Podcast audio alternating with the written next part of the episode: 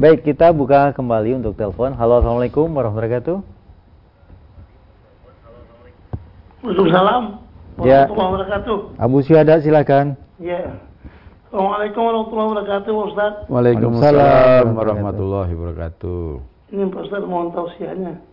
Karena kemampuan kita ini kan juga terbatas dan tidak semuanya kadang-kadang di usia-usia udah 56 nih kadang ada rasa sakit bagaimana itu Ustaz ya. Hmm. Jadi mau nanya, apakah kita berdosa apabila kita beribadah memilih-milih? Seperti ini, lima waktu kita ambil pengajian uh, sholat jemaat juga. Tapi kita tidak mau mengikuti yang istilahnya sunatnya itu hanya kita ikuti waktu sunat isya ataupun uh, sunat-sunat yang setelah setelah sholat wajib lah. Tapi Iya. yang lainnya seperti sholat malam, tahajud, itu kita tidak mengikuti karena waktu itu kadang ba- badan terasa letih, kadang ketiduran, dan akhirnya banyak hal kadang-kadang sering sakit-sakit begitu Ustaz. Jadi apakah kita berdosa apabila kita beribadah? Kita memilih-milih itu, memilih. Yang yang tahajud tidak kita laksanakan hanya doa, hanya doa itu kan. Kemudian sholat malam kita tidak melaksanakan, kita hanya melaksanakan sholat-sholat sunnah yang mengiringi sholat fardu gitu Ustaz. Jadi kita kita kita istilahnya memilih-milih, tidak semuanya kita laksanakan. Jadi bagaimana tausiahnya apakah itu kita juga dikategorikan sebagai orang-orang yang ah, mengingkari agama Pak Ustaz. Jadi atas tausiahnya terima kasih. Assalamualaikum warahmatullahi wabarakatuh. Waalaikumsalam warahmatullahi wabarakatuh. Bapak, jadi kalau kita membaca ayat Allah ya, la yukallifullahu nafsan illa usaha. Allah tidak membebani seseorang melainkan sesuai dengan kesanggupannya. Gitu. Jadi ketika kita menghambakan diri kepada Allah Subhanahu wa taala, apa ya panduan umumnya sebenarnya kita tidak boleh memberat-beratkan diri begitu ya jadi contoh misalkan eh, dalam riwayat ketika ada seseorang yang saking pengennya sholat malam terus begitu sehingga kemudian dia menggantungkan talinya gitu. Gantungan tali eh, kemudian ketika Rasulullah eh, masuk ke masjid itu ini tali apa? begitu. Oh talinya si fulanah begitu. Yang ditalikan ke badannya kalau pas sholat malam kalau ngantuk biar biar terjaga lagi begitu. Maka kemudian Rasulullah Sallallahu Alaihi Wasallam itu perintahkan untuk diambil talinya. Nggak boleh.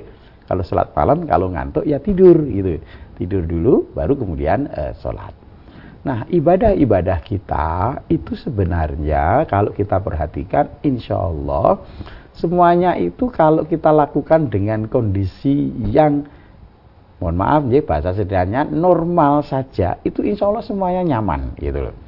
Tidak ada misalkan sampai Allah memberi kita e, masa kalau sudah mulai masuk masa pikun baru kemudian atau sakit baru kemudian ada satu hal yang e, menjadi tidak bisa kita lakukan.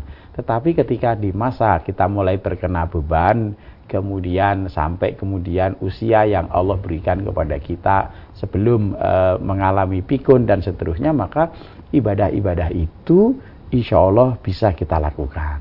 Jadi misalkan e, sholat fardu, kemudian selesai sholat fardu, kita sholat e, rawatib, qobliyah dan ba'diyah misalkan seperti itu. Apa yang membuat tidak bisa? Karena ketergesa-gesaan kita ingin segera beraktivitas untuk kehidupan kita yang di dunia ini begitu.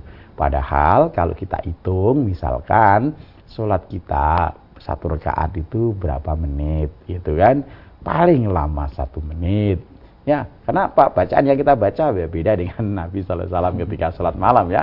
Ketika sholat malam dalam satu riwayat Nabi pernah diriwayatkan eh, yang diikuti sahabat itu baca surat Al-Baqarah 260 eh, 286 ayat gitu dikira selesai ternyata disambung dengan surat Anisa seperti itu. Nah kalau kita kan paling eh, surat-surat yang ada di juz 30 itu pendek-pendek begitu. Paling satu rakaat eh, satu menit. Jadi kalau empat rakaat ya paling empat menit. Kalau kita kemudian tambah eh, dikir tambah eh, sholat rawatib itu paling berapa menit? Nah ini supaya tidak jadi kelihatan berat kalau kita sejak awal membangun kebiasaan itu Bapak. Kalau sejak awal kita biasakan diri kita kalau sholat fardu iringi sholat rawatib. Demikian juga sholat tahajud. Sholat tahajud, sholat malam, memang sekilas terasa berat begitu. Tetapi ketika kita kemudian melatih diri kita satu dari azam yang kuat bahwa saya nanti malam akan sholat tahajud begitu. Saya nanti malam akan sholat tahajud. Kemudian tentu diiringi ikhtiar. Kalau kita cita-citanya nanti malam sholat tahajud, jangan tidurnya jam setengah 12, jam 12 baru tidur. Nanti mungkin ya jelas lewat tahajudnya, bahkan mungkin subuhnya lewat.